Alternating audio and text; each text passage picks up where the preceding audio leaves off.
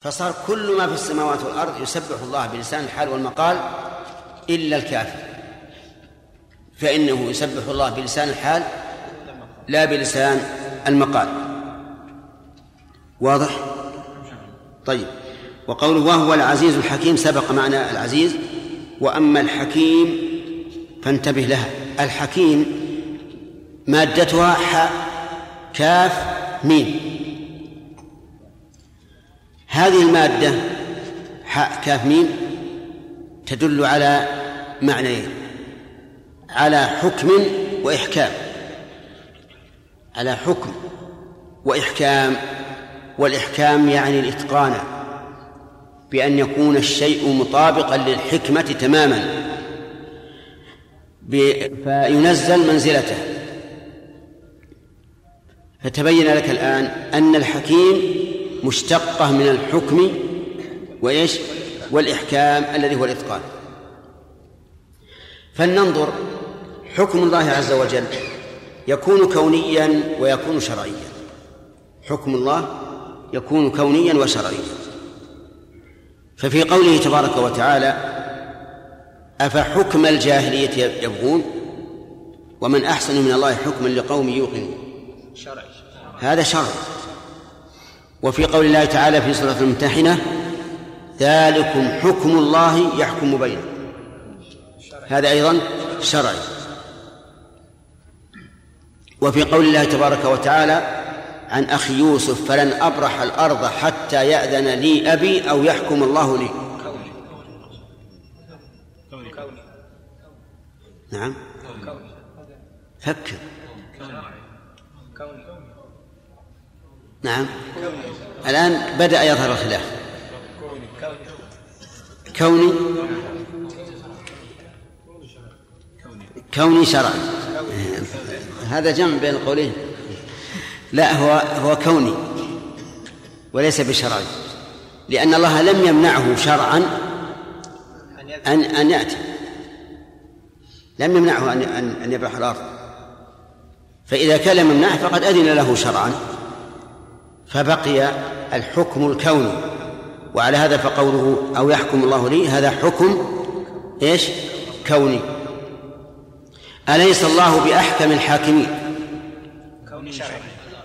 هذا كوني شرعي. فهو حاكم كونا وحاكم شرعا.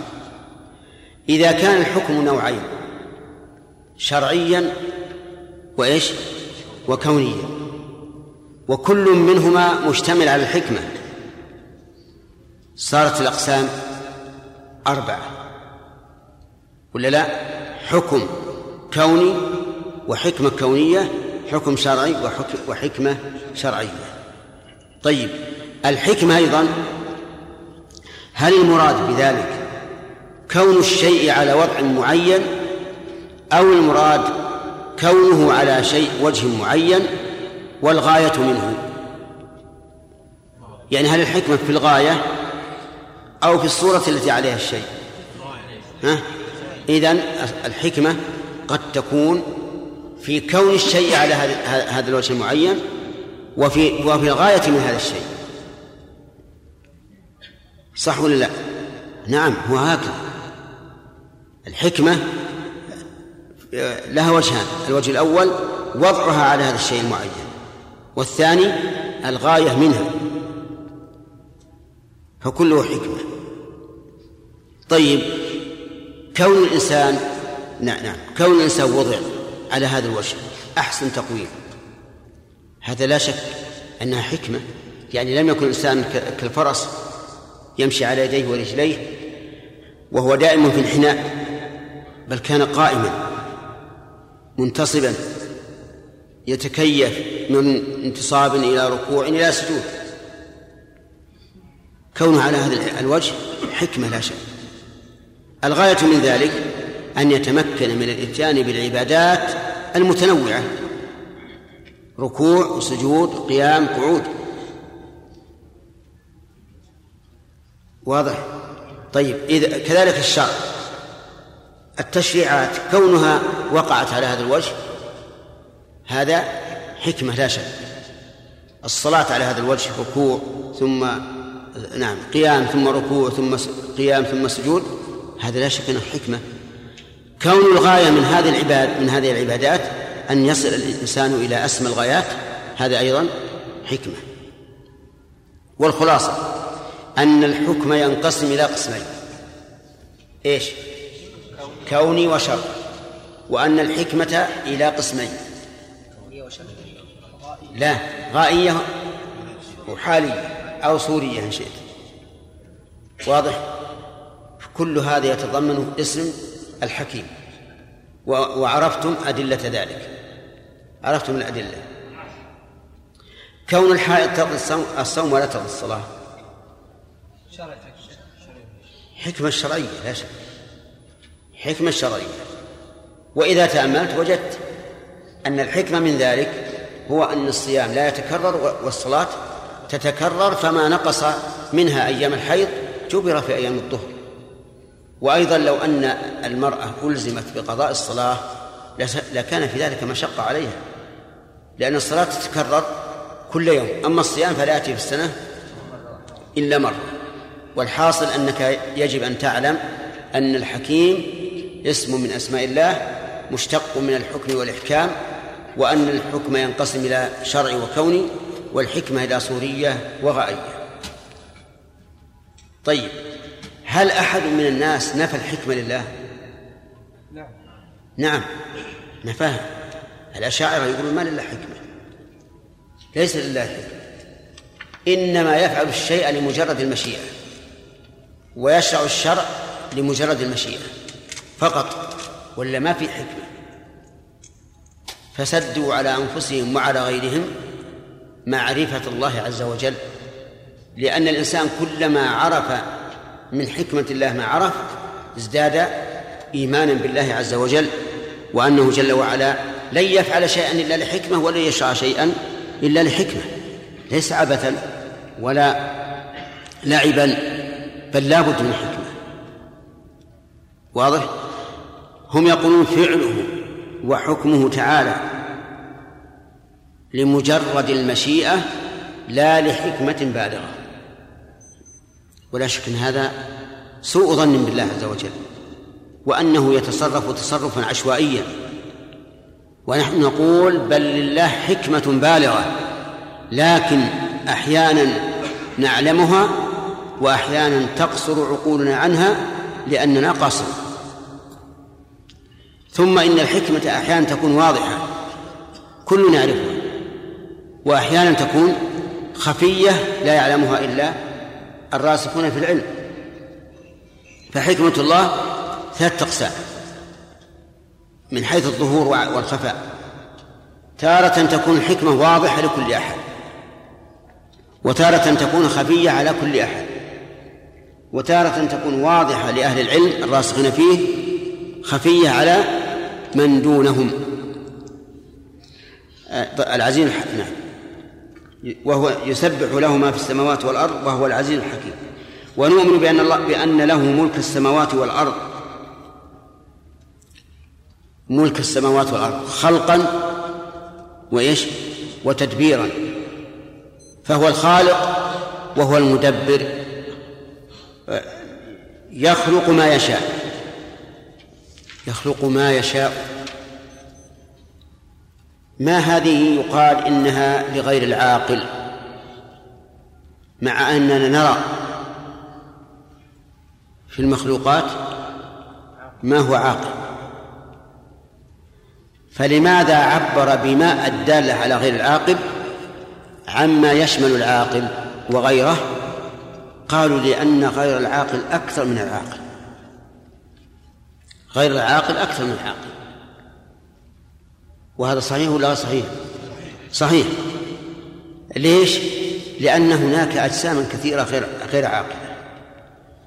وهناك صفات في العاقل مخلوقة لله. والصفات نفسها توصف بالعقل ولا غير العقل؟ غير عقل.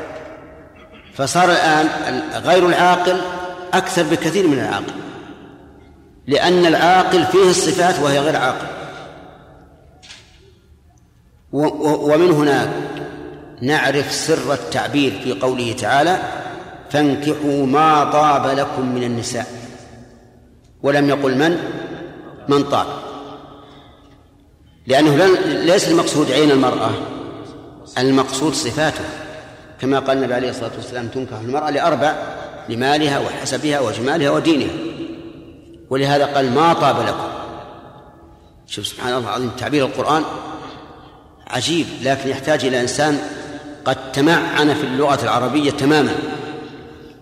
طيب إذن عبر هنا بما الشامل للعاقل تغليبا نعم الشامل للعاقل وغيره تغليبا لجانب غير العاقل لأنه إيش؟ أكثر. يهب لمن يشاء إناثا يهب يعطي. لمن يشاء شفت جاءت من؟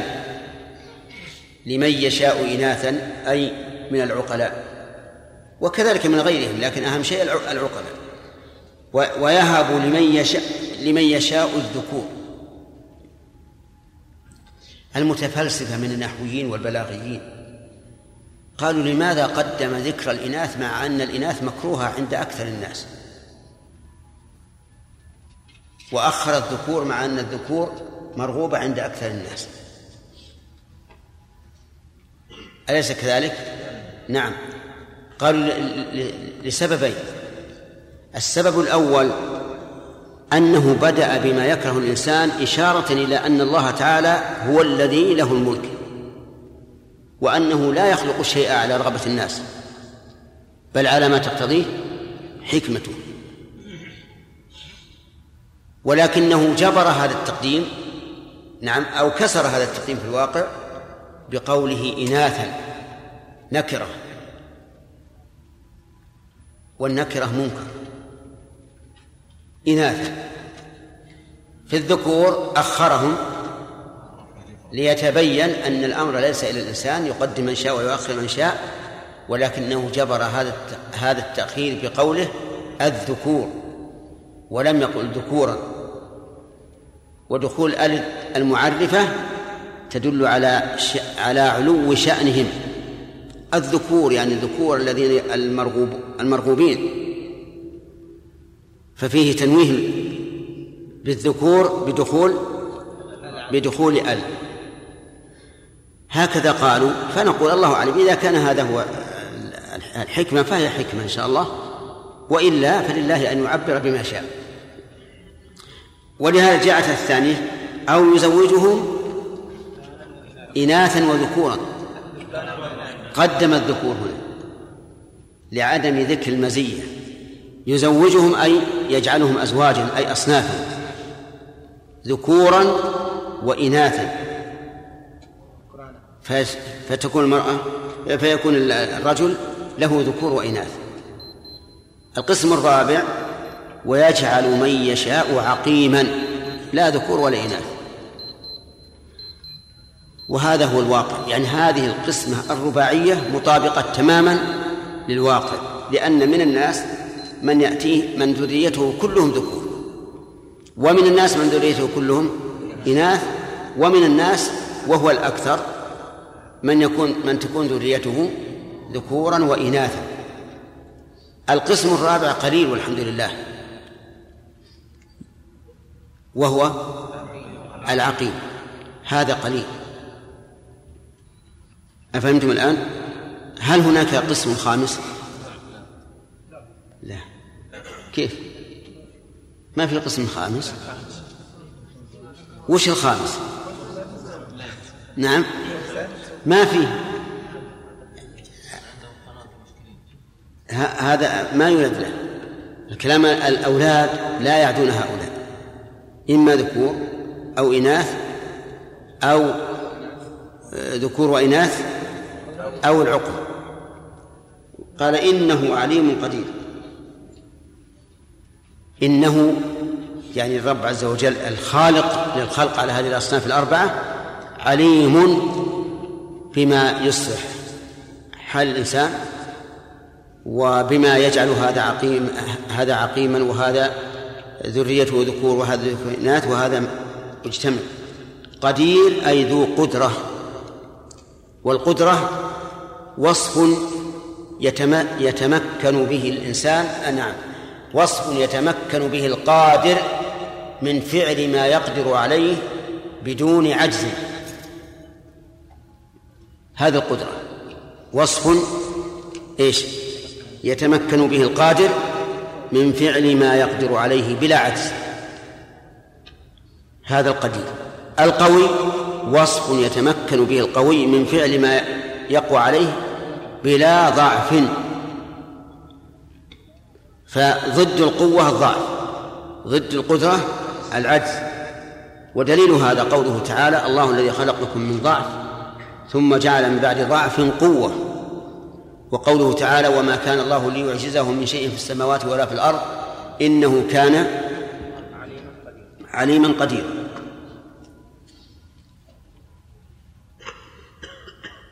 انتهى الوقت. نعم.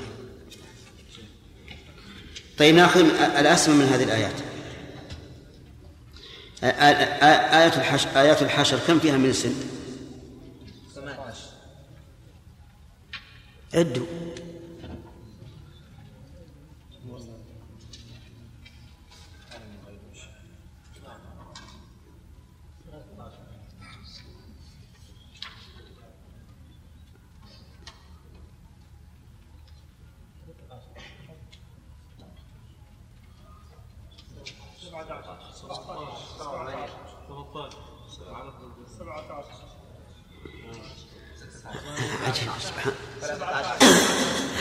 ما حاجة آخرة نعد نعد الآن. طيب نشوف. الله. كذا. الرحمن. الرحيم. الملك. القدوس. السلام. المؤمن. المهيمن. العزيز. الجبار. المتكبر. الخالق. البارئ. المصور. الحكيم. هذا ذكرت أول. كيف ما ذكرت؟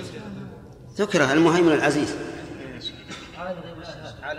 لا هذه وصف. هذه وصف. صارت خمسة عشر نعم. طيب. نعم. لا قد تكون إله بمعنى الله. وإن أفردناها صارت صارت ستة عشر. طيب الثانية كم فيها من الأسماء؟ قدير عليم قدير.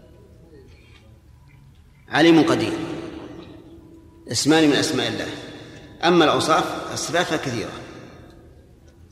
طيب هل يسمى الله الواهب؟ لا. لكن جاءت الوهاب. كذا. الواهب خبر عن الله. من بقى لو قلت إن الله هو الواهب. فهذا خبر وليس اسما بل الاسم الوهاب. طيب القدير اسم العليم اسم. طيب بارك الله فيك. نعم. إذا أضفنا الملائكة للإنس ما يعتبر العقل أكثر من غير العقل؟ الملائكة.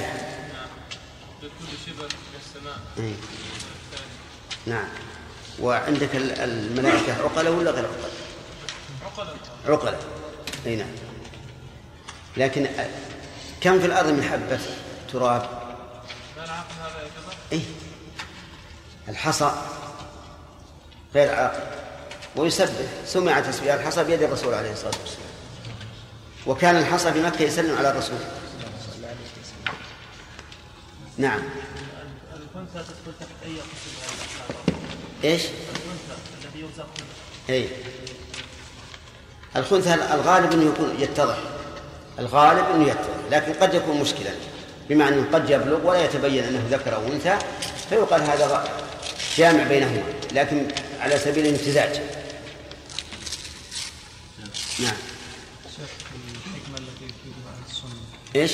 الحكمة حكمة الله عز وجل التي يفيدها السنة إيه؟ هل ترجع للمخلوق فقط؟ ها؟ هل ترجع إلى المخلوق فقط؟ لا المخلوق والمشروع حتى المشروع ما من مشروع شرعه الله إلا لحكمة لكن أتدري أن الأشعرية نفوا الحكمة والمعتزلة أوجبوا الحكمة.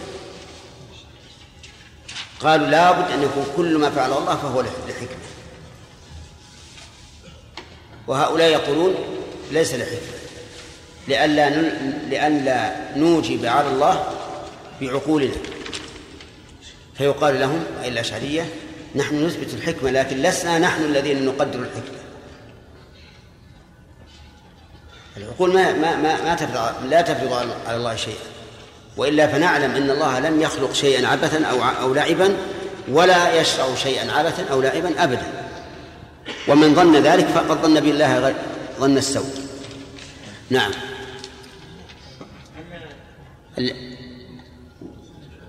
أي نعم. قل يا أخي أنت إيش بلاك؟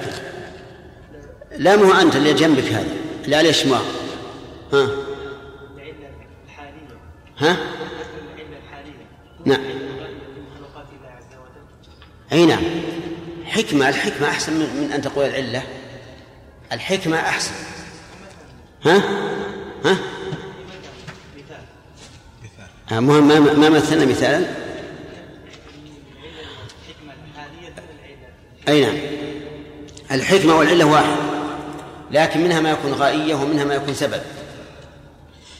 فما أثار الشيء فهو سبب وما كان غاية الشيء فهو غاية.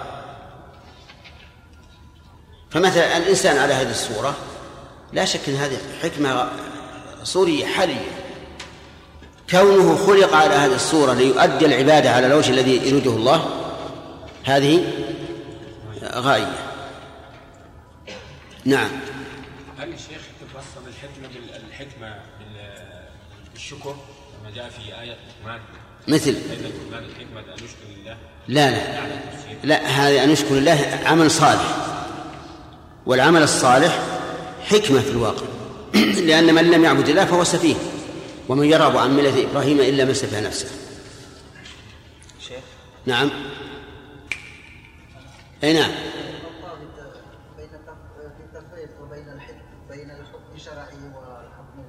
نعم. الحكم الشرعي ما أمر الله به العباد. ما أمر الله بالعباد فهو حكم شرعي. فهمت؟ أو نهاهم عنه فهو حكم شرعي. أما الحكم الكوني فهو ما خلقه الله. كل المخلوقات هذه كونية. فهمت؟ إنزال المطر حكم كوني. الصلاة حكم شرعي. نعم. الأشاعرة ماذا يقولون في قوله تعالى حكمة بالغة فما تغني النذر؟ ما لهم جواب الأشاعرة. أقول الأشاعرة ما عندهم جواب. كل نصوص يعني فوق ألف ألف دليل على إثبات الحكمة كما ذكر ذلك أهل ألف دليل. لكن من لم يجعل الله له نورا فما له من نور؟ نعم. انتهى الوقت.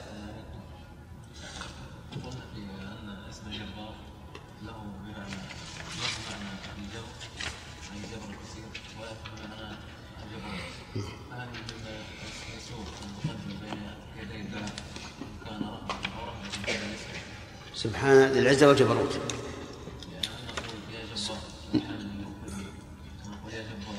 هذه سبق لنا يا فؤاد. سبق لنا أن قوله تعالى فادعوه بها إنه يقتضي أن ندعوه بالاسم نتوسل إليه بالاسم المناسب. ما سبق لنا هذه؟ نعم. ذكرناها كل شيء مناسب. هل يناسب؟ تقول يا جبار اغفر لي. تقول يا جبار اجبرني. وربما يصح أيضا يا جبار اغفر لي لأن المغفرة من الجبر. يا جبار انتقم من فلان. نعم لا بأس. تكون من الجبروت. يبسط الرزق لمن يشاء ويقدر إنه بكل شيء عليم. ونؤمن بأنه عنده مفاتح الغيب لا يعلمها إلا هو ويعلم ما في البر والبحر وما تسقط من ورقة إلا يعلمها ولا حبة في ظلمات الأرض ولا رطب ولا يابس إلا في كتاب مبين. نعم يقول من جملة عقيدة أهل السنة والجماعة الإيمان بأن الله تعالى ليس كمثله شيء. وهو السميع البصير. ليس كمثله شيء شيء خبر اسم ليس مؤخر. وكمثله خبرها مقدم. واختلف العلماء في الكاف. هل هي زائدة أو أو أم ماذا؟ فقال بعضهم إنها زائدة. وقال بعضهم إنها غير زائدة. فالذين قالوا إنه غير زائدة يلزمهم أن يؤولوا المثل إلى معنى تكون به الكاف غير زائدة. قالوا نعم المثل هنا بمعنى الصفة أي ليس كصفته شيء.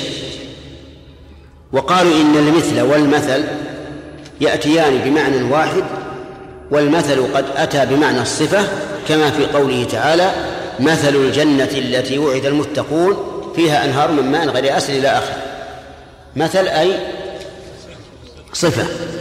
فقالوا إن المثل هنا بمعنى الصفة. وعلى هذا فتكون الكاف إيش؟ زائدة أو غير زائدة؟ غير زائدة. ليس كصفته شيء. وقال بعضهم إن إن مثل بمعنى نفس. أي ذات. أي ليس كذاته شيء. وعلى هذا فالكاف؟ غير زائد. طيب. وقال بعضهم إن المثل بمعنى المماثل. وعلى هذا تكون الكاف زائد. لأن لأنك إذا قلت ليس كمثله بمعنى المماثل أثبتت له مماثل وأن المماثل ليس له مماثل. أليس كذلك؟ وهذا لا يستقيم. قالوا إذن نقول الكاف زائدة للتوكيد. كما تزاد الباء وكما تزاد من للتوكيد. كذلك هنا الكاف زيدت للتوكيد. إيش التوكيد؟ قالوا التوكيد نفي المماثل. توكيد نفي المماثل يعني أن الله ليس له مماثل وعلى فرض أن يكون له مماثل فليس لمماثله مماثل. وعلى هذا فتكون الكاف زائدة للتوكيد. وهذا كله لأن المسلمين متفقون على أن الله سبحانه وتعالى ليس له مثل. كما دلت على ذلك آيات صريحة. مثل قوله تعالى هل تعلم له سميا وقوله تعالى فلا تجعلوا لله أندادا وأنتم تعلمون وقوله ليس كمثله شيء هذه صفة من الصفات المنفية فلماذا نفيت المماثلة لكماله وعدم إلحاق أحد به فهو لكماله لا يوجد له مثيل أبدا لا لأنه ليس بموجود ولكنه لأنه موجود لكن لا لا يماثله أحد.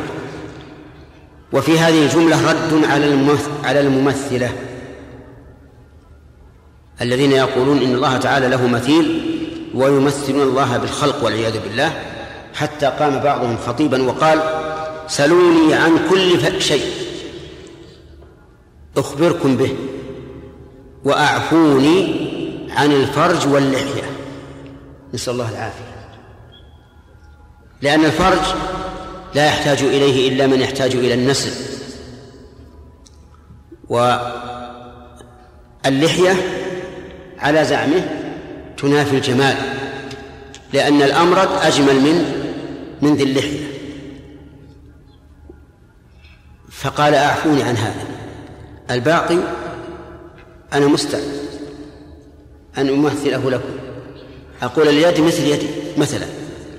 الوجه كذلك. وهذا رأي من؟ الظلال الممثلة الذين يعبدون الصنم. قال ابن القيم رحمه الله في مقدمة النونية قال المعطل يعبد عدما والممثل يعبد صنما صحيح. الممثل يعبد صنم. لأنه يقول الله مثل كذا. والمعطل يعبد عدما لأن نتيجة تعطيلهم أن لا وجود لله. طيب المهم هذه الآية فيها رد صريح على على من؟ الممثل. وهو السميع البصير. السميع من أسمائه والبصير من أسمائه عز وجل. السميع من أسمائه من أسمائه قال العلماء وينقسم إلى قسمين. سمع إجابة وسمع إدراك. يعني سمع يعني أن سمع الله ينقسم إلى قسمين سمع إجابة وسمع إدراك. من سمع الإجابة قوله تعالى إن ربي لسميع الدعاء. المعنى سامع ولا مجيب؟ ليش؟ لأن مجرد السمع ليس فيه ذاك الثناء. وهذا توسل إلى الله عز وجل أن يجيب الله الدعوة. والتوسل إلى الله تعالى بمجرد إدراكه للصوت ليس ليس وسيلة في الواقع. التوسل إلى الله بكونه مجيبا للدعاء. فيجيب دعاء هذا السائل. ومنه أيضا قول المصلي سمع الله لمن حمده.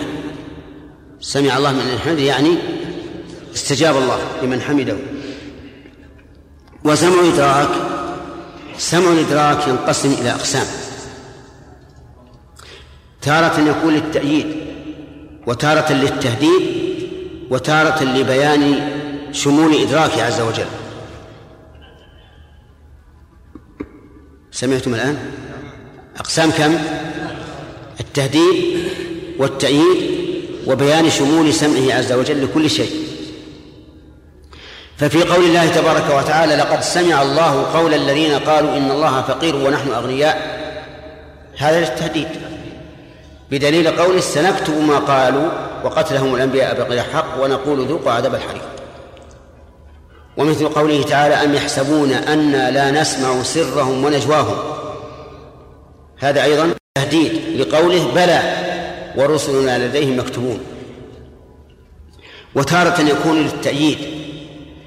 كقوله تعالى لموسى وهارون لا تخافا إنني معكما. إيش؟ أسمع وأرى. هذا ليس المراد مجرد إخبار موسى وهارون أن الله يسمعهما ويراهما بل المراد إيش؟ التأييد والنصر وما أشبه ذلك. وتارة يراد به بيان شمول سمع الله لكل شيء كقوله تعالى قد سمع الله قول التي تجادلك في زوجها وتشتكي إلى الله. والله يسمع تحاوركما. ولهذا قالت عائشة الحمد لله الذي وسع سمعه الأصوات. لقد كنت في طرف الحجرة وإن حديثها لا يخفى علي وإنه لا يخفى علي بعض حديثها. والله عز وجل من فوق سبع سماوات يسمع. هذا المراد به بيان شمول سمع الله لكل شيء. إن تكلمت في بيتك فالله يسمع. إن تكلمت في ملأ فالله يسمع. إن حدثت نفسك فالله يسمع أو يعلم. إن حدثت نفسك فالله يعلم. فإن حركت بلسانك حتى صار قولا فالله يسمع وإن خفي. ولهذا قال الله تعالى في الحديث القدسي من ذكرني في نفسه ذكرته في نفسي ومن ذكرني في ملأ ذكرته في ملأ خير منهم. طيب إذن السمع ينقسم أولا إلى آه الأول بمعنى الإجابة والثاني بمعنى الإدراك والإدراك ثلاثة أقسام أو قل ثلاثة أنواع. أما قولها البصير فمعناه ذو البصر. ولكن البصير يكون بصير علم يكون بصير علم وبصير رؤية. فهل المراد هذا أو هذا؟ أو هما. نعم المراد كلاهما. فهو جل وعلا سميع بصير بمعنى البصر الرؤية. يرى كل شيء وإن خفي وإن بعد. نعم. فإنه تعالى يراه. لا يغيب عنه شيء. كذلك السمع بصر علم. مثل قوله تعالى والله بصير بما تعملون والله بصير بالعباد وما أشبه ذلك. المعنى عليم بهم ولهذا جاءت معداة بالباء. بصير بكذا. ولو كان البصر هنا بمعنى الرؤية لقال بصير لقال يبصرهم ما قال يبصر بهم. طيب فقوله تعالى أبصر به وأسمع. أي البصرين هذه؟ الظاهر يشمل الأمرين جميعا. وإن كان قد يقول قائل إن آه، أسمع لما ذكر السمع هذا يدل على أنه بصر الرؤية لكن كونه شاملا أحسن في هذه الآية الكريمة إثبات السميع اسم من أسماء الله والبصير اسم من أسماء الله. فهل هذان الاسمان مما يتعلق بالإيمان بهما ثلاثة أمور أو أمران؟ ثلاثة أمور لأنهما متعديان. فنؤمن بالسميع اسما وبالسمع صفة وبأنه يسمع حكما وأثرا وكذلك يقال بالبصر. هل يلزم من إثبات السمع إثبات الأذن؟ لا يلزم. هل يلزم من إثبات البصر إثبات العين؟ لا لا يلزم. لا يلزم. ولهذا نقول لا نثبت لله أذنا لأنه لم يرد أن لله أذنا. ونثبت لله عينا لا بهذه الآية ولكن بآيات أخرى. مثل قوله تعالى ولتصنع على عيني وقوله تعالى تجري بأعيننا واضح يا جماعة؟ طيب فإن قال قائل لماذا لماذا لا تقولون إنه من لزوم السمع إثبات الأذن قلنا لا نقول ذلك. أليست الأرض تحدث أخبارها؟ وهو ما عمل عليها من خير أو شر أو قول أو فعل؟ وهل لها أذن؟ لا. طيب. فإن قال قائل ما تقولون في قول النبي صلى الله عليه وسلم ما أذن الله لشيء إذنه لنبي حسن الصوت يتغنى بالقرآن يشهر به؟ فقال ما أذن. قلنا أذن هنا بمعنى السمع. بمعنى استمع. وقد يقال أذن هنا بمعنى الإذن القدري الكوني ليس بمعنى الاستماع. لكنها الأول أصح أنها أذن بمعنى استمع ولا يلزم من الاستماع إلا السماع. أما إثبات الأذن فالأذن شيء آخر فوق السماع. ولذلك لو قطعت إذن واحد يسمع ولا ما يسمع؟ إيه انتبه. قطعت إذنه يا أخي يسمع. لو قطعت إذنه ولو قلعت عينه. طيب لماذا لا نقول إذا قطعت إذنه لا يسمع؟ لأن السمع من الداخل. وهذه الأذن إنما كانت على هذه الصفة من أجل تنظيم دخول الهواء على صماخ الأذن. لأنكم تعرفون الصوت له هواء أتظنون الآن صوتي إنه ما له, ما له هواء يدفعه؟ لا له, له هواء لو جاءت الأصوات على الأذن وهي مخروقة فقط بدون هذه التعرجات لأثرت. لأن الإنسان دائما يسمع الأصوات. لكن من حكمة الله عز وجل أن الله جعل لها تعرجات من أجل أن الصوت يلف يمين يسار فيدخل إلى الصماخ بهدوء. وهذا واضح. ولذلك تجد الإنسان إذا قطعت أذنه تكثر عليه الآلام من الداخل. تكثر عليه الآلام من الداخل لأن الهواء يأتي بقوة فيزعج السماع الداخل طيب وقال ونؤمن بأن له مقاليد له مقاليد السماوات والأرض. يبسط الرزق لمن يشاء ويقدر إنه بكل شيء عليم. له مقاليد المقاليد جمع مقلاد وهو بمعنى القلادة. أي أن أزمة الأمور بيد الله عز وجل في السماوات وفي الأرض. فنسأل الله تعالى أن يرسخ أن يرسخ إيماننا بذلك. لأن الإنسان إذا آمن بهذا حق الإيمان رضي بالله. بالخير وبالشر. ولهذا قال عليه الصلاة والسلام عجبا لأمر المؤمن إن أمره كله خير. إن أصابته ضراء صبر فكان خيرا له وإن أصابته السراء شكر فكان خيرا له. أنت إذا أمنت بهذا تمام الإيمان اطمأننت. إذا أصابك الله بضر أنا من أنا؟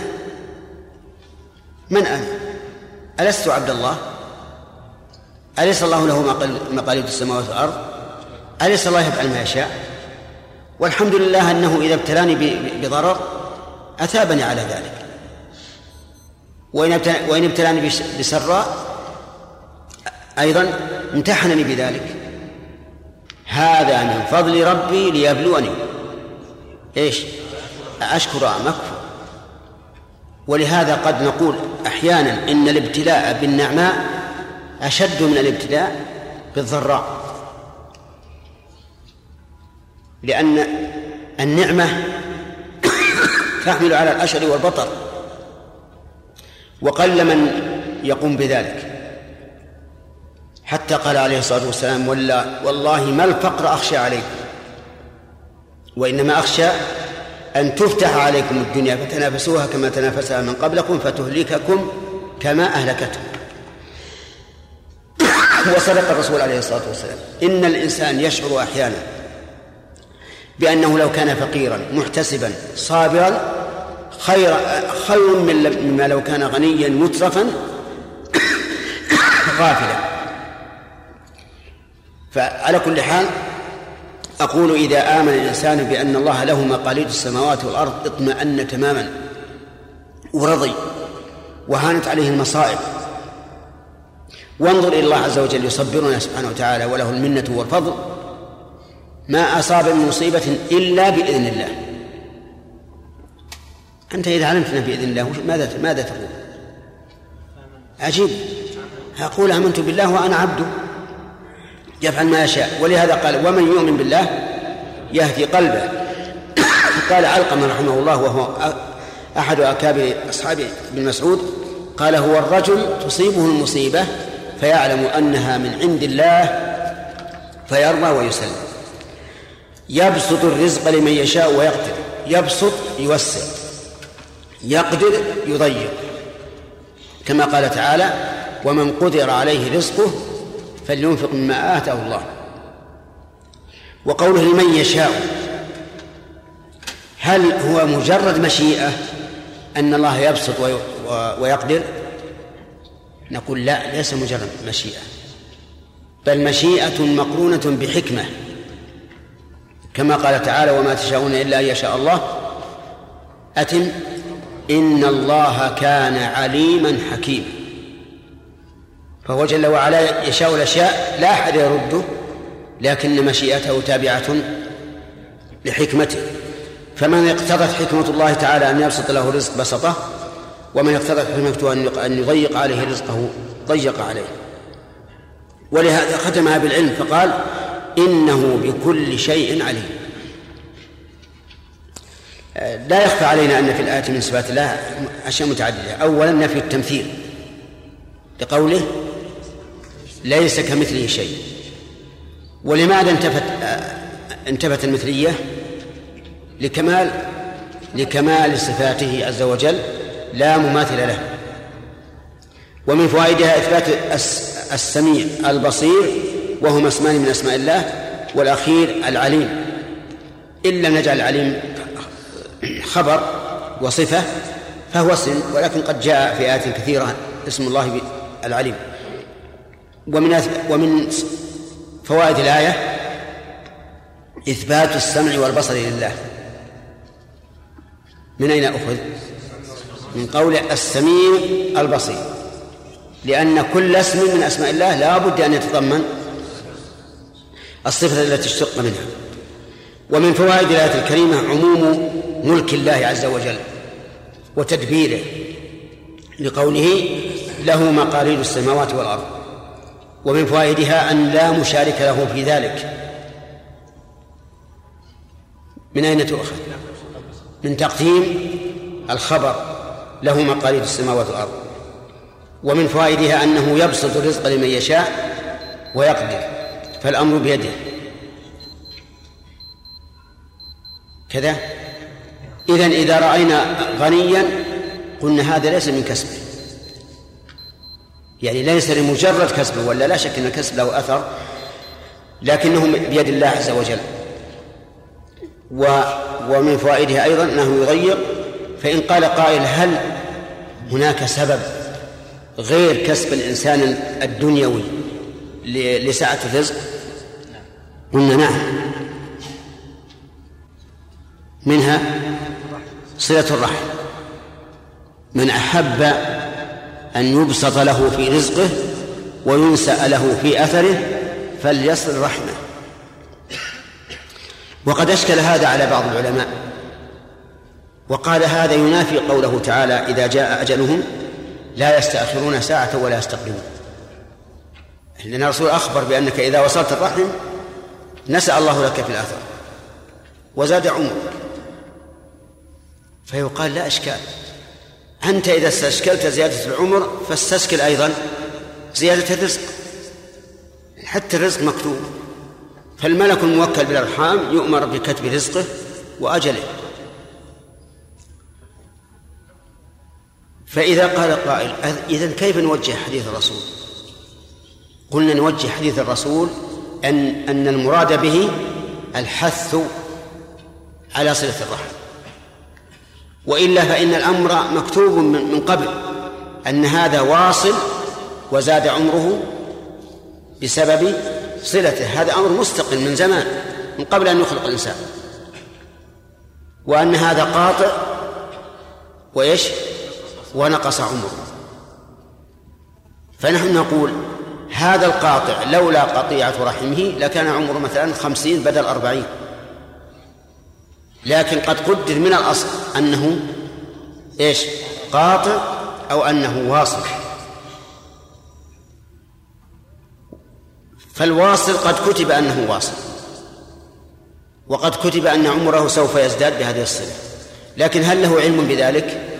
لا. إذن يكون مراد النبي عليه الصلاة والسلام الحث على صلة الرحم. وأنها سبب لبسط الرزق وإيش؟ وطول العمر. كما أن الولادة الآن إذا إذا قلنا من أحب أن يولد له فليتزوج. نفس الشيء. نقول هذا الرجل قدر له أن يتزوج في سالف الزمن فتزوج وولد له. حتى دخول الجنة. من أراد أن يدخل الجنة فليؤمن بالله ورسوله. نقول دخول الجنة أيضا له سبب وقد كتب السبب والدخول من من من الأزل. فالحديث ليس فيه إشكال. لكن الإشكال ولننظر إلى الجواب عنه. قول الله تبارك وتعالى عن نوح أنه قال لقومه يغفر لكم من ذنوبكم ويؤخركم إلى أجل مسمى. إن أجل الله لا ي... إذا جاء لا يؤخر. كيف قال يؤخركم؟ ثم قال إن أجل الله إذا جاء لا يؤخر. هل هذا تناقض؟ لا. نقول إن أجل الله إذا جاء بالعذاب لا يؤخر. فاستدركوا أمركم واسمعوا وأطيعوا حتى لا حتى لا يحل بكم العذاب. واضح؟ إن أجل الله إذا جاء لا يؤخر ما هو أجل الموت؟ أجل العذاب. يؤخركم إلى أجل مسمى يعني أجل الموت وليس أجل العقوبة. طيب قالت مريم يا ليتني مت قبل هذا. وكنت نسيا منسيا. وقال النبي صلى الله عليه وسلم لا يتمنين أحدكم الموت لضر نزل به. فهل نقول إن شرعنا ورد بخلاف بخلاف ما شرع مريم؟ أو نقول لا لا منافاة؟ نعم الثاني لأن معنى قولها يا ليتني مت قبل هذا وكنت نسيا منسيا يعني لا يا ليتني لم أدرك هذا الشيء. أي ليت هذا لم يكن. ليتني مت قبل هذا ولا, صار شيء. وليست تتمنى أن يتقدم موتها على حصول هذا الشيء. وهذا فرق فقول الإنسان ليتني أموت ولا أعصي هذا صحيح.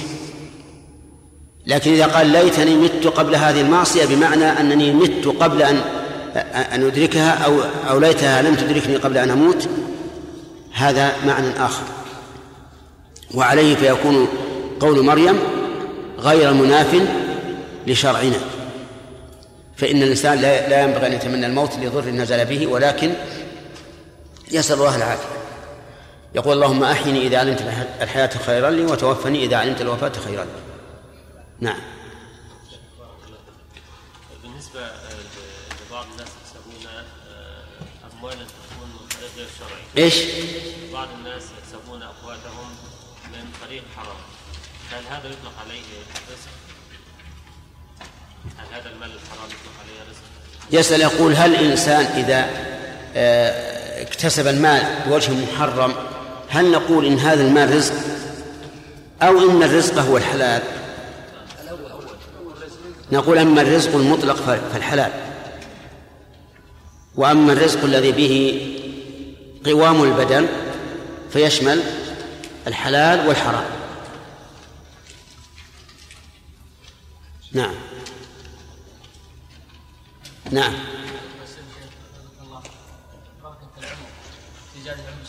لا لا ما يصح. لا ما هو صحيح. لأن لو كان كذلك لقال من أحب أن يبسط له في رزقه ويكثر عمله.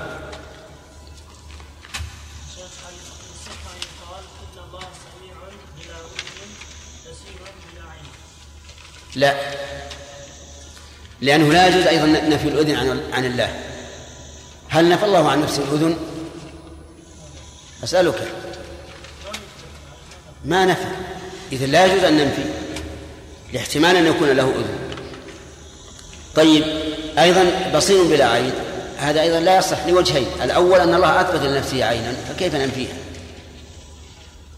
وثانيا لو قدر أن الله لم يثبت له عينا فلا يجوز نفيها لأن آه، هذه قاعدة فهموها. كل ما يتعلق بصفات الله فإنه لا يجوز إثباته ولا نفيه إلا إلا بدليل. إلا ما علمنا أنه لا يليق بجلاله عز وجل كالأشياء التي تتضمن النقص. مثل لو قال الإنسان هل لله أسنان وأضراس؟ ها؟ لا ما نقول ما ندري. نقول ندري أنه ما له أسنان ولا أضراس. لأن هذه إنما يحتاج إليها لمضغ الأكل. والله تعالى لا يأكل. كما نعلم أيضا أنه ليس له معدة وليس له أمعاء وننفي ذلك. لأن هذه إنما يحتاج إليها من؟ يحتاج إلى الأكل. ثم إن الله صمد قال بعض العلماء في تفسيرها صمد أي لا جوف له. لأنه غني عن الأكل. انتبهوا لهذه النقطة أيضا. لا تظنوا أننا لا ننفي كل شيء حتى يرد نفيه بعينه لا. إذا كان إثباته يستلزم, يستلزم نقصا نفيناه. لأن النقص وما يستلزمه كله منفي عن الله عز وجل. نعم. أي نعم. نعم. بلى. ما قلنا هذا؟ ما قلنا؟ طيب. إذا نقوله الآن. في هذه الآية رد على الممثلة والمعطلة. على الممثلة في قوله ليس كمثله شيء وعلى المعطلة في قوله وهو السميع البصير. نعم. لقد قلنا ان اننا لا نثبت العين لله سبحانه وتعالى من مجرد صفة السمع. لا مجرد صفة البصر. نعم. وقلنا أنها أننا نأخذها من قوله من قوله تعالى تجري باعيننا نعم. فهل لو وردت هذه ورود السنة هل تكفي الاثبات؟ أيها تجري باعيننا إيه ما بالشك رغم أن المفسرين يقولون تجري باعيننا بإحاطة. الم- هذا الذي فسره بذلك مؤول محرف في الواقع. لو كان المراد الإحاطة لقال تجري بعلمنا لأن العلم أشمل من العين. عرفت طيب الذي فسرها بمرأى منا. لأن فيه ناس من آه، آه، المفسرة الأصوليين يعني الذين يذهبون مذهب السنة والجماعة في إثبات الصفات. لو قال بمرأى منا واقتصر عليه. لا غير صحيح. هذا غير صحيح. بل يجب أن نقول بمرأة منا بأعيننا أما نقول بمرأة منا معناه أن إثبات رؤية بلا عين. نعم. ما يخالف نعطيهم هذا العقيدة مهمة. شيخنا بماذا يجيب الممثل عن الآيات التي ورد فيها نفي الممات لله عز وجل للمخلوقين؟ مثل؟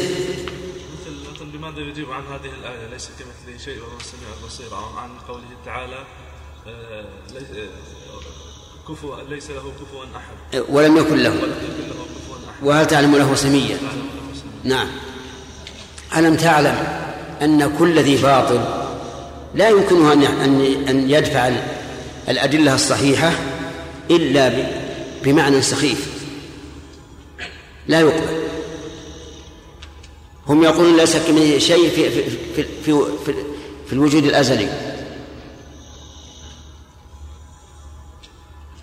فيحرفون.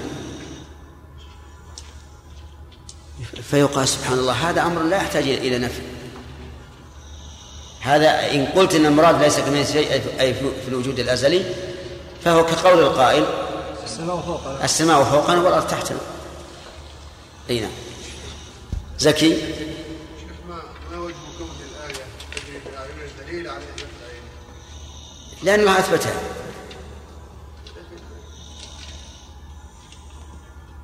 شيخ في آيات أخرى يعني لا يمكن إثبات منها بعض الصفات مثل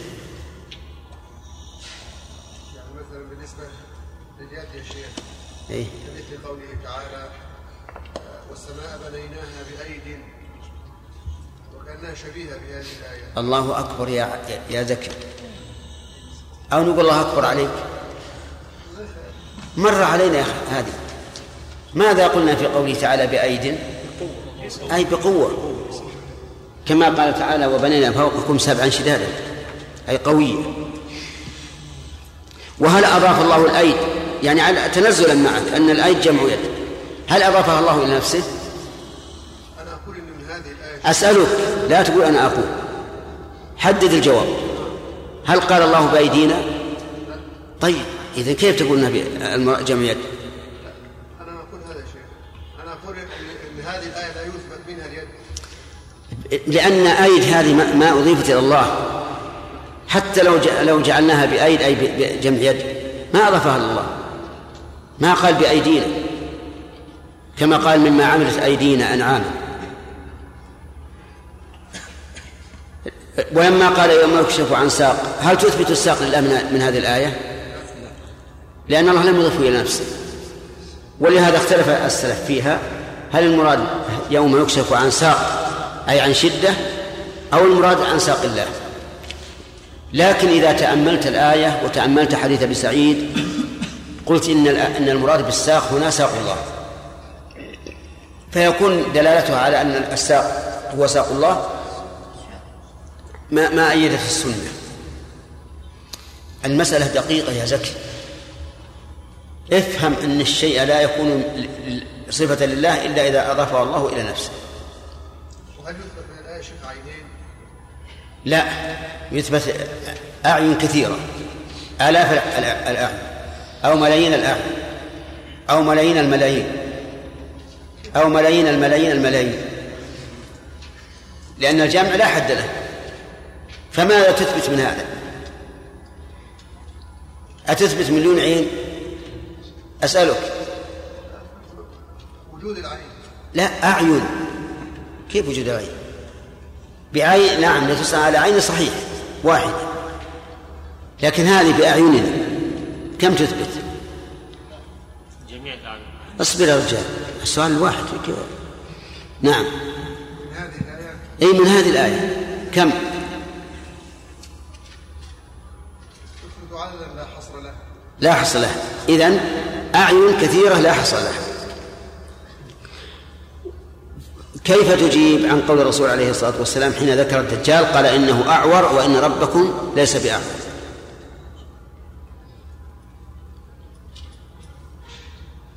أجيب أن الله عز وجل له عين له أن الله عز وجل له عينان لكن هذه الأعين ليس فيها عور. لكن هذه العينين ليس فيها عوض نعم. وين الأعين لو كان الله أكثر من عين لكان ما زاد على ذلك كمالا. أليس كذلك؟ ويحصل به الفرق الذي أراده الرسول عليه الصلاة والسلام بين الأعور الدجال وبين الرب عز وجل.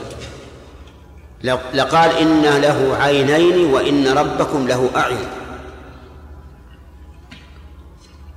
فلما لم يذكر الرسول عليه الصلاة والسلام ذلك علم أنه ليس له أكثر من ثنتين إذ لو كان له أكثر من ثنتين لكان ذلك كمالا وبه يحصل الفرق بإيش؟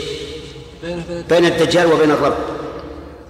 ولا يمكن الرسول أن يهدر الكمال ثم يذكر نفي عيب. هذا لا يمكن. ولهذا استدل علماء السلف بهذا الحديث بهذا الحديث على أن لله تعالى عينين اثنتين وهذا حق. نعم. يعني بعين هل يكون من قبل الله قول الله عز وجل. آه، مما مما حديث أيدينا؟ نعم. هنا قال العلماء رحمهم الله في الجمع. قالوا الجمع للتعظيم. الجمع للتعظيم. فيكون ذكر الجمع هنا في العين تعظيما لها. هذه من جهة المعنى. من جهة اللفظ قالوا إننا ضمير يدل على إيش؟ على الجمع في الأصل. الأصل النا للجمع ما هي للتعظيم. فكان من المناسب والأفصح أن لا يضاف إليه إلا ما كان جمعا ولو بص- بصورة اللفظ. لأجل التناسب بين المضاف والمضاف إليه.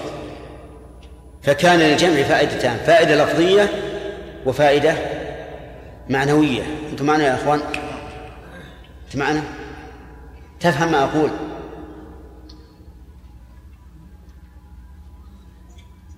أتفهم ما أقول؟ زين طيب. الفائدة المعنوية هي؟ تعظيم التعظيم. لأن التعظيم يدل على الجمع. ولهذا يقول الله عز وجل إنا نحن مع أنه واحد. الفائدة الثانية؟ التناسب بين المضاف. والمضاف إليه. نعم. انتهى الوقت. ترى بالتناسب يا شيخ نعم. نعم. تجري بأعيننا نعم. هذا سفينة واحدة ها؟ سفينة تجري بأعيننا إيه؟ سفينة واحدة نعم. ما أدري لو لو أنك وقفت على مانع من على ميناء من الموانئ وش- صرت تنظر سفينة واحدة. كم لك من عين؟ تعدد الآلة لا يدل على لا يدل على تعدد المرئي أحيانا يتعدد المرئي أكثر من العينين. أنا الآن أشوفكم كلكم. كم أنتم؟ نعم. عدد كبير. أكثر من العينين. العينان تريان الواحدة واحدة والجمع جمع. طيب وهي قلنا من يعني تناسب المضاف والمضاف إليه اي نعم هذه هذه مناسبة لفظية. ولهذا لما كانت السفينة تحمل آه، آه، تحمل نوحا ومن معه ومن كل زوجين اثنين قال بأعيننا. ولما كان يخاطب موسى فقط قال ولتصنع على عيني نعم. أخذوها نعم. القواعد مم. القواعد المعروفة يا شيخ في باب الأسماء والصفات الالتزام بألفاظ الكتاب والسنة في إثبات نعم فكيف يكون هذا مع إثبات صفة التثنية في العينين؟ كيف؟ كيف يكون هذه القاعدة مع إثبات صيغة التثنية لصفة العينين؟ للحديث الحديث ما في لفظ التثنية يعني إذا قال إنه أعور وأن ربكم ليس بأعور كم للدجال مع عين؟ لا لا عينان إحداهما عورة إحداهما عورة إذا لله عينان كلاهما كلتاهما سليمة. هذا مفهوم يا شيخ من اللفظ وليس نفس اللفظ لا من المعنى. ما في إشكال. أنا قلت لك قبل قليل وأقولها الآن. لو كان لله أكثر من ثنتين أيكون كمالا أو لا؟ أسألك. ها؟ إلا. يعني لو كان أنا ما أقول أنه كان مثل لأن الشرط لا يحبطن عملك وله مشرك. لو كان له اثنتان. أكثر من اثنتين أن يكونوا كمالا أو لا. وين الشجاعة يا شيخ؟ لو كان له ثلاث أعين أيكون كمالا أو نقص كمال. طيب الثلاث هل يحصل بها التمييز ومعرفة أن هذا الدجال ليس برب؟ يحصل. يحصل. طيب لماذا حذف الرسول عليه الصلاة والسلام هذا هذه العلامة البينة اللي هي كمال وأتى بنفي الع- العيب عن الله فقط؟ لنفي أن يكون هناك نقص في صفة العين لله عز وجل. لا وأيضا إنه إنه اثنتان فقط. وإلا لقال وإن ربكم له ثلاثة أعين ويحصل التمييز. واضحة؟ طيب هذا واضح. وإن كان بعض الناس عجائب يعني سبحان الله العظيم. على أن السلف استدلوا بها. آه، وبينوا ذلك الإمام أحمد وهذا الذي رد عثمان بن سعيد. نعم. رد على, على الكافر العنيد. فالمهم أن العلماء استدلوا بها ثم تخفى على بعض الناس. نعم. أي نعم. هذا شيء سورة الرعد يمحو الله ما يشاء ويثبت. يعني هذا بالنسبة للرزق وال- والعمر والتعلق ما يشاء. يمحو الله ما يشاء ويثبت. قيل بقى إن معناها يمحو الله ما يشاء ويثبت من الأعمال. كما قال تعالى إن الحسنات يذهبن السيئات وليس من الآجال وكذلك من النصر والانتصار وما أشبه ذلك. ونحن نقول ب- بالإطلاق. يمحو الله ما يشاء ويثبت. لكن أم الكتاب الأصل عنده ما تتغير. ولهذا قال بعض العلماء إن إن ما كتب في اللوح المحفوظ لا يتغير إطلاقا. وما كتب في الصحف التي بأيدي الملائكة فهو الذي يكون فيه المحو والإثبات. لا إله إلى وين؟ نعم. لله عين وأعين وعينان أو لله يد وأيدي وأيدي. أي أيدي لأن ما يجوز. إذا قصد معناها لا يجوز. لا بس ورد بقرينة. بقرينة. وأيضا إذا قلت لله يد وأيد و و و ويدان وش وش معنى؟ صار معناه له, أيد. لأن القليل داخل داخل في الكثير. لكن تقول وردت صفة اليد بالإفراد والتثنية والجمع. هذا الصواب.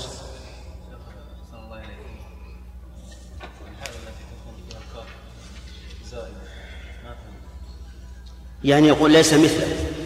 التقدير ليس مثله. هذا هذا حجاج يكاد يتقطع الله يدفع له بقي الا سبع طيب وأنا ها؟ عجيب. اذا لما سرقتم هذا الدرس أنا أسرق الدرسين الآخرين. ونرجو تع- تعذرونا الآن ونقتصر على هذا. نعم. إيش؟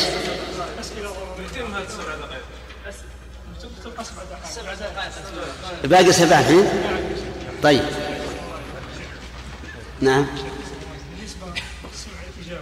ها. نعم. نعم.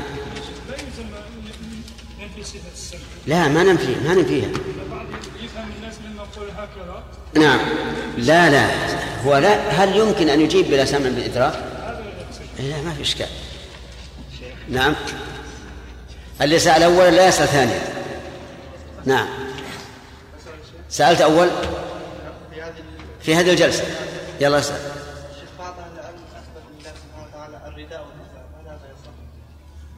هذا جاء في الحديث العظمة والكبرياء فنقول كما قال الرسول فقط. ولا نقول إن إن إنه مثلا يلبس إزار من من قطن أو من صوف أو من حرير لا. نقول العظمة والكبرياء فقط. ومن المعلوم أنهما معنيان. ليس حسيين لكن هذا من منزلة الإزار وهذا من منزلة الرداء. نعم. شيخ أحسن الله إليك. تتبع الاستقراء دليل في العقائد التتبع والاستقراء دليل عقلي أو حسي يعني إما أن يكون دليله العقل بأن تقول ال- ال- الموجودات إما خالق وإما مخلوق. أو دليله الحس. بأن تقول مثل هذا هذا الأشجار أو هذا الطعام إما ضار وإما نافع. ومعلوم أن أن العقل والحس من الأدلة لكن لو فرض أن الشرع عارضها لو فرض. وهذا أقوله و وليس معناه جواز الوقوع. ليس معناه جواز الوقوع أقول لو فرض فالشرع مقدم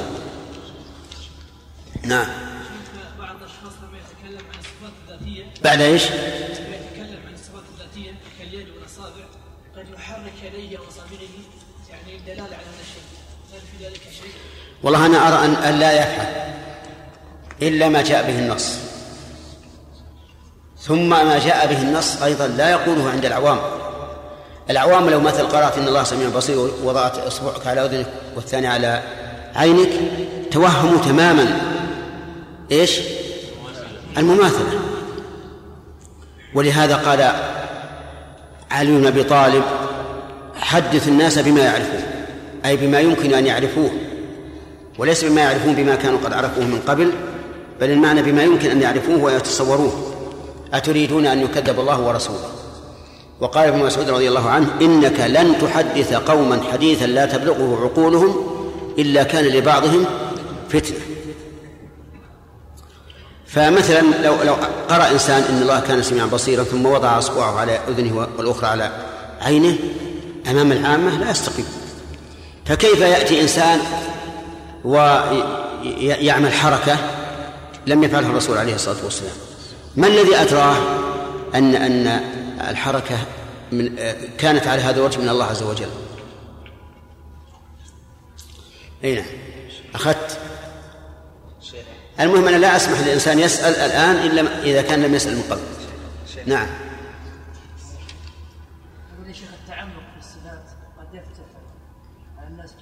بارك الله فيك. صحيح. أنا معك في هذا. وأنا أنهى دائما عن ذلك. أقول اجعل إيمانك بالأسماء والصفات كإيمان العجائز. كما تمنى ذلك كثير من علماء الكلام الأذكياء. لأن التعمق يؤدي إلى أحد أمرين إما التعطيل أو التمثيل. وأظن لنا كلام قبل كم ليلة يمكن عند موسى. عند موسى. تكلمنا كلاما جيدا لو تأخذ منه الشريط وإن باعه عليك بألف, ريال ما في مانع. لأنه مفيد. في اللقاء ولا؟ لا هنا. هنا. و... أي نعم في الدرس هنا. وكتب إلي بعض الطلبة هنا يعني قال الآن أثل- أثلجت صدورنا وأثنى على الكلام ثناء عاطلا نعم. حميد؟ أحسن الله إليكم بعض الناس يقولون آه، إن المخلوق العالم آه، حادث آه، بمعنى أن كل فرد منهم مسبوق بالعدم. لكن مع ذلك ما من وقت إلا وفيه مخلوق لله سبحانه وتعالى في الماضي حتى لا يزال تعطيل صفة الخلق. فما مدى هذا رأي شيخ الإسلام ابن تيمية رحمه الله وتلميذه ابن القيم وهو صحيح لكن من المخلوقات ما علمناها ومنها ما لم نعلمها. يعني هل مثلا لو قال قائل هل قبل العرش شيء؟ هل قبل الماء الذي الذي كان العرش عليه قبله شيء؟ نقول نعم لكننا لا, ندري لا, لا ندري ما هذا الشيء. لأن الله لم يزل ولا يزال خلاقا. نعم ولكن هل نتوقف أو نحكم بأنه كان في هو ما دام ما دام الله خلاقا فإنه من الجائز أن نخلق لكن نجزم ما نجزم. نعم. أن نعم. التسلسل في الماضي ممكن. نعم. ولكن ما نجزم بأن الله خلق. قد هو سبحانه وتعالى خلقه تبع حكمته. نعم. هل يصح أن يقول أن يقال أن لكل موجود واجب بدون أن يقيد بواجب الوجود ولا جائز الوجود؟ لكل موجود. واجب موجب. لا لازم تقيد لازم تقيد لأنك إذا قلت لكل موجود موجد دخل في ذلك الله عز وجل. تقول لكل موجود من المخلوقات. وبدل من هذا تقول لكل مخلوق خالق. كما قال تعالى أم خلقوا من غير شيء أم هم الخالقون. نعم أخذت لا لا. انتهى أوه. بأنه ليس كمثله شيء وهو السميع البصير. له مقاليد السماوات والأرض يبسط الرزق لمن يشاء ويقدر. إنه بكل شيء عليم. ونؤمن بأنه ما من دابة في الأرض إلا على الله رزقها ويعلم مستقرها ومستودعها كل في كتاب مبين. ونؤمن بأنه عنده مفاتح الغيب لا يعلمها إلا هو. ويعلم ما في البر والبحر وما تسقط من ورقة إلا يعلمها ولا حبة في ظلمات الأرض ولا رطب ولا يابس إلا في كتاب مبين. ونؤمن بأن الله عنده علم الساعة وينزل الغيث ويعلم ما في الأرحام وما تدري نفس ماذا تكسب غدا وما تدري نفس بأي أرض تموت. إن الله عليم خبير. بسم الله الرحمن الرحيم. قال المؤلف وفقه الله ومن آيات نعم ونؤمن بأنه ليس كمثله شيء وهو السميع البصير. تكلمنا على هذه الآية. ها؟ نعم. وبينا أن هذه الجملة تقطع حجة كل معطل. لأن عامة أقو- أقوال المعطلين يحتجون عليها بهذه الآية. نعم. يحتجون عليها بأن إثباتها يستلزم المماثلة. فنرد عليهم بذلك.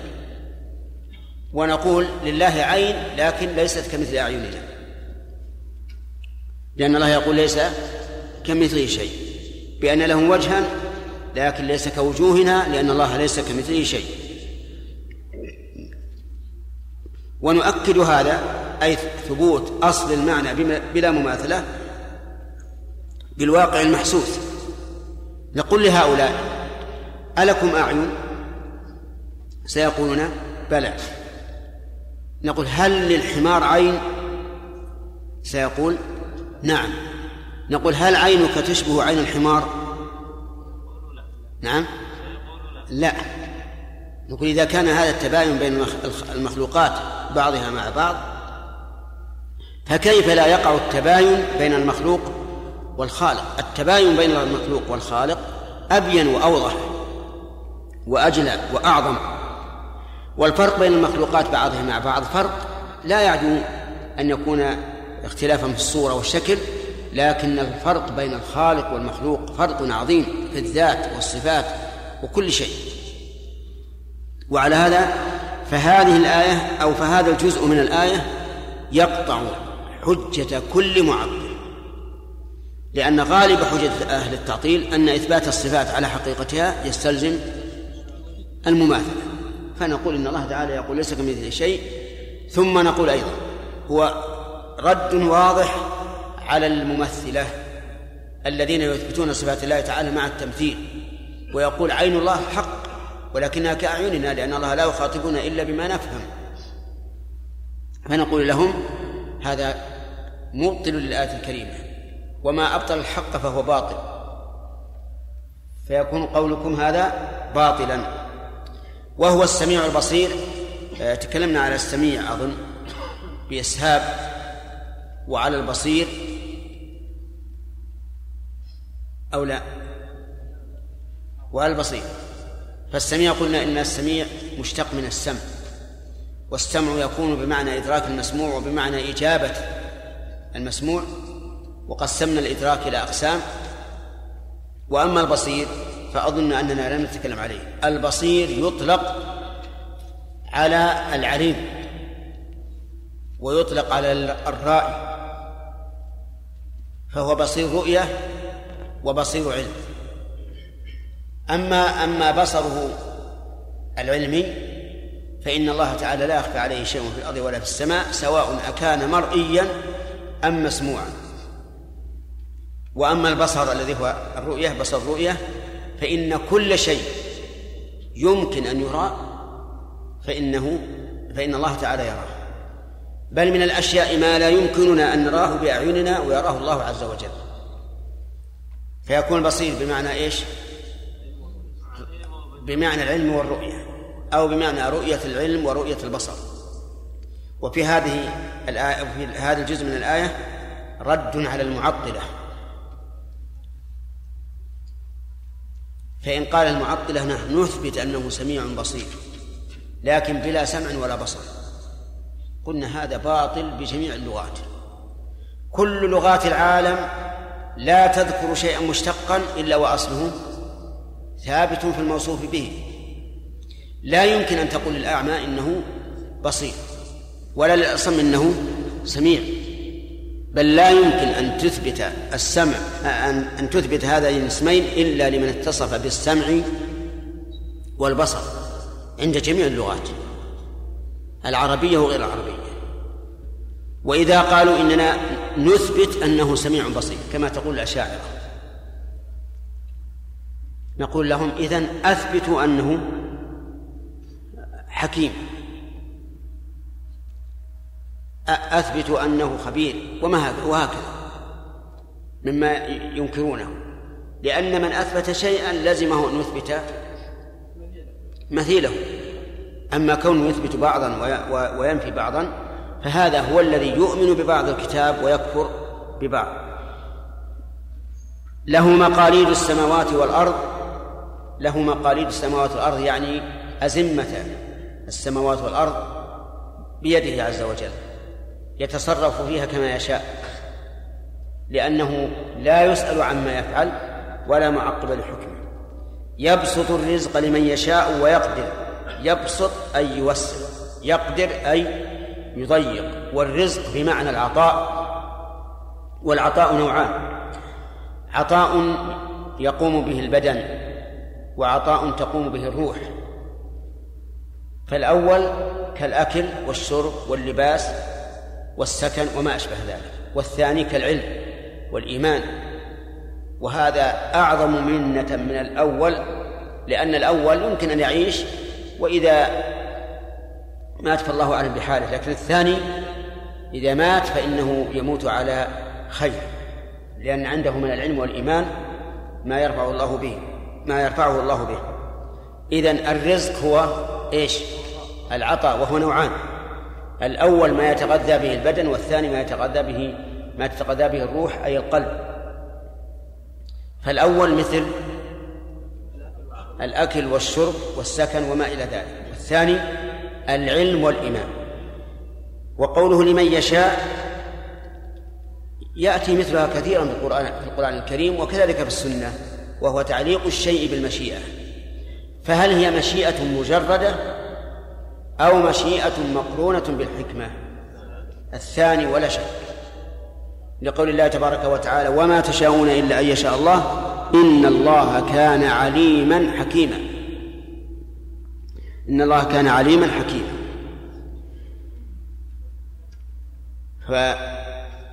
فوصف نفسه بالعلم والحكمة بعد قوله وما تشاءون إلا أن يشاء الله فدل ذلك على أن الله لا يشاء شيئا إلا مبنيا على علم وحكمة وهو كذلك.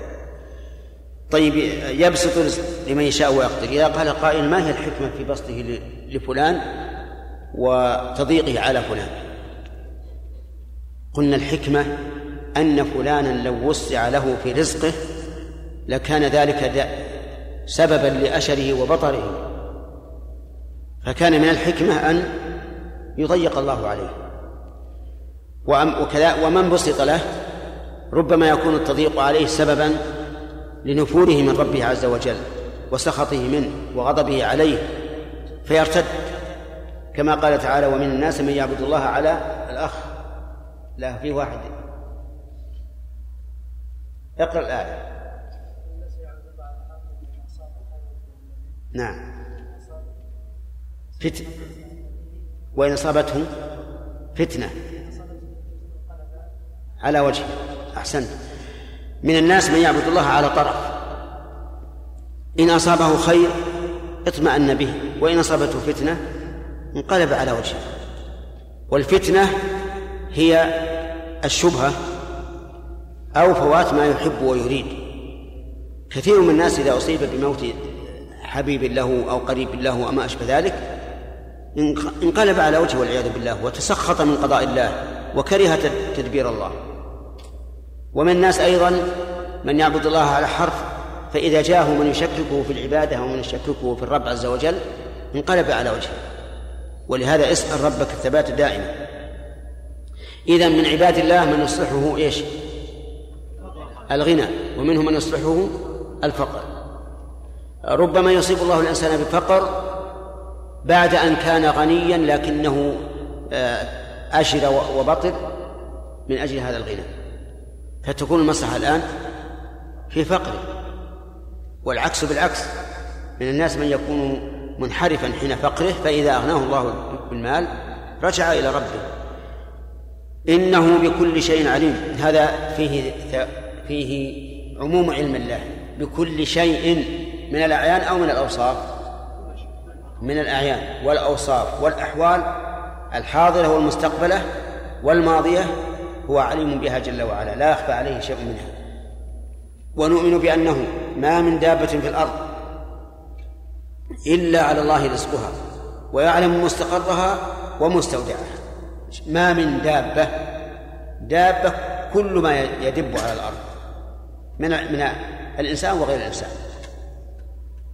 ومن دابة من هذه زائدة إعرابا لكنها لها معنى عظيم وهو إرادة العموم.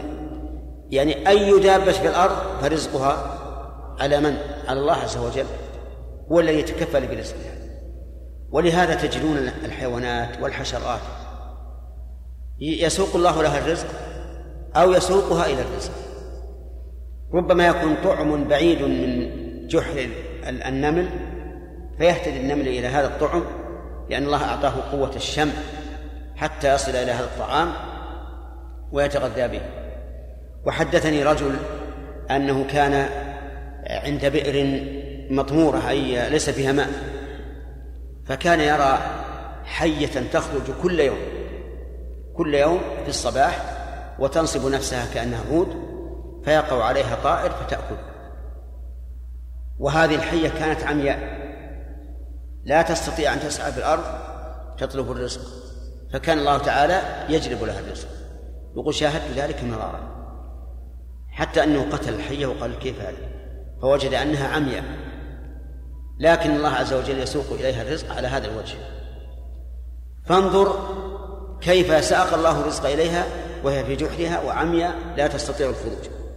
إذا ما من دابة في الأرض إلا على الله رزقها. طيب فإن قال قائل ألسنا نجد أن أناسا أو حيوانات تموت من الجوع؟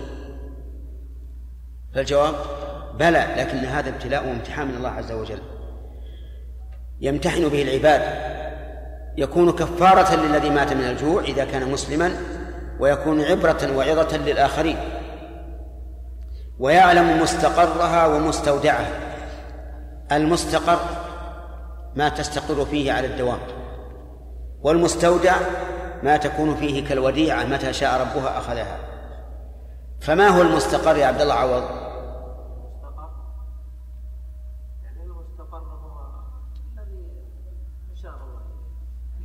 المستقر هو المستقر. هذا معنى الجواب. طيب. من يعرف؟ ما هو نعم. إيش؟ أو المكان أو الحد ينتهي اليه الشيء إيه لكن ما هو؟ أنا أسأل ما هو؟ العمر. ها؟ الآخرة الآخرة هي المستقر كما قال تعالى وإن الآخرة هي دار القرار المستودع الدنيا إلى أن تقوم الساعة. كل هذا مستودع. الإنسان فيه وديعة متى شاء المودع أخذه كما قال النبي عليه الصلاة والسلام إن لله ما أخذ وله ما أعطى. إذن الله يعلم حال العباد في الدنيا وحال العباد في الآخرة. يعلم أن منا من يعمل صالحا وأن مآله إلى الجنة وأن من من الناس من يعمل عملا سيئا وأن مآله إلى النار. كل في كتاب مبين. كل أي من الرزق والمستقر والمستودع في كتاب مبين أي في مكتوب بين. ظاهر وذلك هو اللوح المحفوظ الذي تتفرع عنه بقية الكتابات فإن الملك إذا بلغ الجنين أربعة أشهر بعث إلى إليه فأمر بكتب رزقه وأجله وعمله وشقي أم سعيد. ونؤمن أيضا بأن بأن عنده مفاتح الغيب. أنا بأنه وعنده مفاتح الغيب. سيد عندكم؟ ما فيها واو. صح. ونؤمن بأنه عنده مفاتح الغيب. لا يعلمها إلا هو. ويعلم ما في البر والبحر وما تسقط من ورقة إلا يعلمها ولا حبة في ظلمات الأرض ولا رطب ولا يابس إلا في كتاب مبين. المفاتح جمع مفتاح أو مفتاح والمراد بها إما المفتاح الذي يفتح به تفتح به الأبواب وإما المكان الذي يفتح يعني مستودعات العلم. وقول لا يعلمها إلا هو نعم وقول مفاتح الغيب لا يعلمها إلا هو فسرها النبي عليه الصلاة والسلام بالآية الكريمة. إن الله عنده علم الساعة كما سيأتي إن شاء الله تعالى في فيما بعد. ويعلم ما في البر والبحر والجو. من أين هو؟ من البر والبحر. فما يقابل البحر من البحر وما يقابل اليابس من البر. وما تسقط من ورقة إلا يعلمها. من هذه زائدة لكنها زائدة إعرابا أما المعنى فهي للتأكيد. يعني ما تسقط ورقة إلا يعلمها. أيا كانت الورقة في أي مكان؟ صغيرة كانت أم كبيرة؟ حية كانت أم يابسة؟ وإذا كان يعلم الذي يسقط من الورقات فمن باب أولى أن أن يعلم ما يستحدث من الورقات.